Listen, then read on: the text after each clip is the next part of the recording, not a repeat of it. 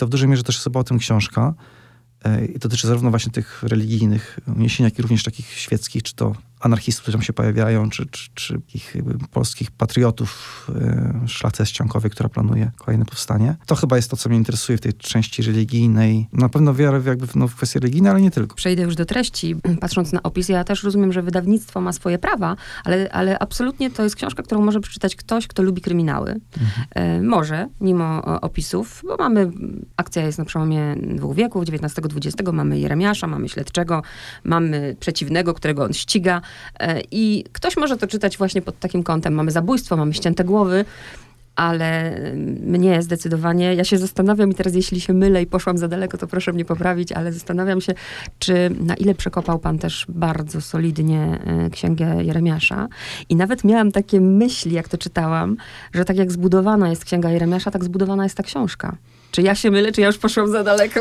Oj, nie wiem, czy aż tak. Znaczy, nie wiem, czy znaczy, na pewno przekopałam tą księgę Remiasza, bo wiesz, jakby te proroctwa są jedną z osi tej, tej tak. opowieści. Bo tam I... też jest opis problemu, potem tam nadzieja, nie? Potem tutaj właśnie e, wierne te proroctwa Tak, więc jakby, no, dokładnie, no, jest tak, że on te proroctwa wiernie odtwarza. Jest tak, że te proroctwa się właściwie realizują, co jest to, co go tego bohatera przeraża. Rzeczywiście trochę, to się trochę toczy w ten sposób, że e, no, one się pojawiają, jest uniesienie, jest kwestia takiego buntu, tego proroka przed proroctwami jego wahań moralnych. Ja akurat, może mniej nawet w Księgi Jeremiasza, ale ja spędziłem dużo czasu w ogóle próbując czytać o, o, tym, o tych prorokach biblijnych i jakby co ich cechowało w, jakby w literaturze.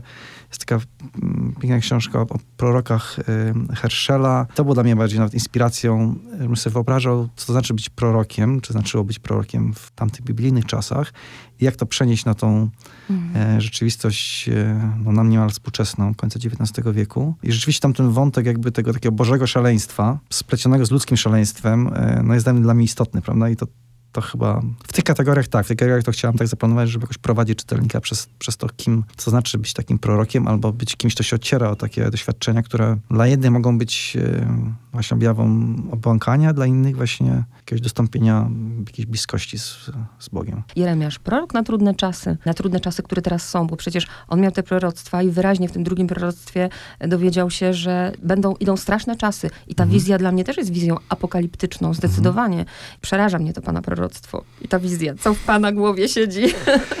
E, tutaj chyba nie, to chyba nie próbowałem e, jakby wieść proroctw albo wywodzić proroctw jakby dla naszych czasów. E, tam bardziej one chyba się odnosiły do tego, co się miało stać jakby wkrótce no, przy no, XX wieku, gdzie rzeczywiście wydawnictwo też w nocce pisze czasami o tym, że to jest taka książka o świecie na krawędzi zagłady. I to już jest taki świat na krawędzi zagłady, bo za chwilę to Podlasie, które wtedy było takie bardzo kotłem, tyglem różnych narodowości, tak. wyznań, prawda, stanów, to się wszystko tam plątało. No, zostało najpierw przetarte przez pierwszą wojnę światową, 20 lat później, prawda, przez drugą i właściwie dzisiaj niewiele z tego zostało, jak porównamy do Ale historia toczy koło, nie? Dlatego historia toczy koło, ale znaczy na pewno, dla, ja bym powiedział tak, że dla mnie istotne było bardziej to właśnie jak, jak łatwo, o czym wspomniałem wcześniej, w imię tych jakichś wielkich idei, czy to będzie właśnie idei religijnych, czy takich bardziej świeckich. Ludzie dopuszczają się rzeczy, które są okropne i temu zaprzeczają. Tak? I, I, pewnie jak się dzisiaj obserwuje niektóre z tych rzeczy, które się dzieją wokół nas, to, to mam wrażenie, że są to podobne mechanizmy, prawda? To tu jakoś próbowałem opisać, oczywiście w sposób literacki tej fikcji w tamtych czasach, ale no tak jak mówimy tu o pogromach e, Żydów na przykład, ale też to, co starałem się zrobić w tej książce, to żeby pokazać, że mm, to wszystko nie jest takie jasne, oczywiste i czarno-białe. Wydaje mi się, że, że zależało mi na tym, żeby pokazać, że, e, że rzeczy, które się wydawa, wydają w stronę białą, później się nagle tak. okazują, że są czarne. Ja je tak by wywracam świadomie też, że gram z takimi takimi wyobrażeniami, stereotypami właśnie o, nie wiem, zachowaniach Żydów właśnie, o pogromach, bo w końcu w, tym, w tej książce właśnie mamy dwa pogromy jeden z tych pogromów to jest właśnie pogrom, który Żydzi czynią w szlacie zaściankowej, czyli coś, czego się normalnie działo. Mm-hmm. I jest kilka takich elementów, no bo też chyba ten świat nie jest nigdy taki bardzo mm, prosty i czarno-biały. I tak samo jak główny bohater, bo tak naprawdę nie, czytelnik sam musi podjąć decyzję, czy to jest katolik, czy to jest przeciwnik caratu. Mm-hmm. Też nie jesteśmy w stanie tego powiedzieć. Ja widzi pan, mam nawet pozaznaczane fragmenty, bo one niby, niby można powiedzieć, że to są jakieś takie mm, truizmy, ale wcale nie. Kiedy mówi główny bohater, każdy się żegna, a nikt się nie modli, nie? Teraz przejdę do takich technicznych rzeczy, bo my już wiemy, że ta książka, no, ja na pewno bym jej nie wsadziła tylko do, do takiego działu powieść. To jest Mhm. bardzo synkretyczny gatunek. Myślę, że nie, nie, pierwszy raz spotyka się pan z takim pytaniem, bo mnie zaskoczyło, jak, y, no jak pana poznałam, oczywiście nie osobiście, Mhm. to mnie bardzo zaskoczyło, jak przeczytałam doktor nauk ekonomicznych. Ekonomista kojarzy się zdecydowanie z umysłem ścisłym. Mhm. Czy tworząc tę książkę, pan najpierw ma już schemat w głowie? Czy ten schemat pojawia się później? Czy jest pan takim pisarzem, który musi mieć wszystko uporządkowane? E, Chyba nie. Znaczy, na pewno jest tak, że mam jakąś e, myśl w głowie, którą się tworzy i strukturyzuje, ale mm, na pewno to, jak jest na Jeremiasz dzisiaj, jest czymś innym niż pierwotnie. Ja w ogóle zacząłem o tym myśleć, nie wiem, 8 lat temu chyba. I, I na początku to była jakaś taka opowieść, powiedziałbym, bardzo gatunkowa, taka fantastyczna, takie, powiedziałbym, bardziej fantazy wręcz, Mhm. bo też pisałem takie e, opowiadania, czy... e, I później to ewoluowało, e, więc nie jest tak, że, że ja mam wszystko zaplanowane dokładnie, wypisane i idę jakby według punkt po punkcie. Natomiast na pewno jest tak, że takie, mi na pewno pomaga takie strukturyzowanie. Ja mam taką łatwość pewnie układania rzeczy, grupowania ich i jak myślę o, o strukturze powieści i o tym, co chciał napisać, czy reportażu, to rzeczywiście to mi pomaga w tym, żeby powiedzieć sobie, to są takie kluczowe elementy, jakieś takie mm, e, e, części składowe, z których klocki, z których buduję e, całość, ale to się mi się bardzo często mm, zmienia i jak piszę, no to często jest tak, że w trakcie pisania pojawiają się jakieś myśli, wątki, które są kompletnie nowe i czasami one nie przetrwają później, a czasami się okazuje, że one właśnie rosną i stają się jakby istotną częścią e, chociażby tutaj e, Jeremiasza, których nie przewidywałem wcześniej wyparły inne i inne odpadły. Ten y, biblijny, właśnie się też zastanawiam, na ile pan tego bohatera utożsamił z tym biblijnym Jeremiaszem, mimo że on się posługuje jego słowami, bo też y, ten biblijny Jeremiasz, on się tam spotykał zresztą z krytyką, był bardzo spokojny, on ten świat obserwował. Tutaj Mhm. też tak podobnie, prawda? Taki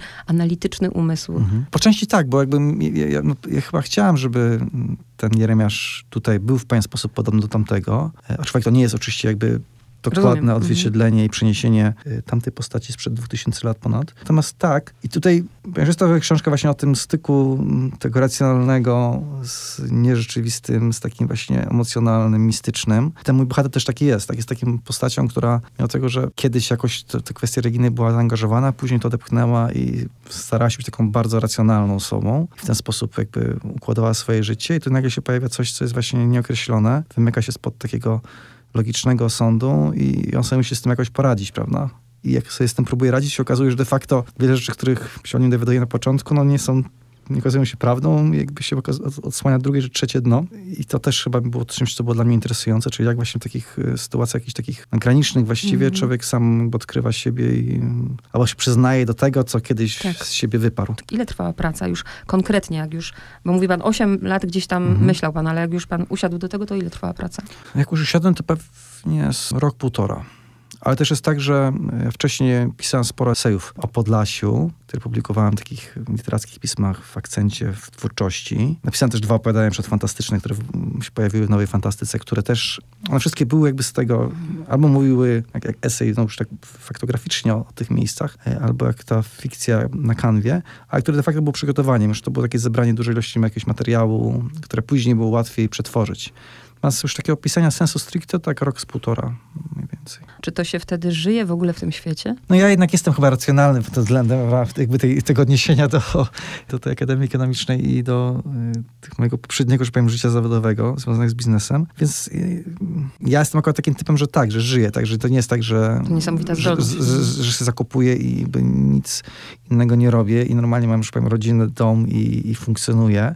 I mam jakiś taki czas, który sobie próbuję wyznaczyć, kiedy piszę i kiedy nie piszę. Nie jest on taki stricte też jakby, no pewnie każdy pisarz, jakby z kimkolwiek pani rozmawia, to każdy ma swoją Oczywiście. strategię Jedni działania. muszą pić 10 filiżanek kawy, inni piszą w nocy, a pan? Dokładnie. Ja piszę w dzień. Ja piszę w dzień. Ja piszę tak, że ponieważ ja wstaję rano i powiem, idę po bułki, robię kawę i budzę e, moją rodzinę. A mam jeszcze ci, to są w szkole, więc tam jakoś ekwipujemy ich do szkoły.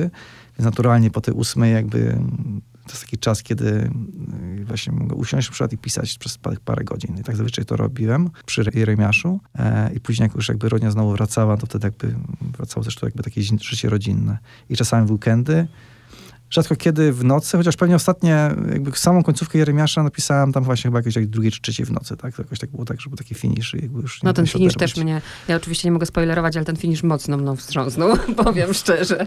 To się cieszę sumie, no bo to jakby W spisie treści w RMF Classic polecam książkę Piotra Nesterowicza Jeremiasz, wydaną przez WAB. Dziękuję bardzo. Dziękuję bardzo.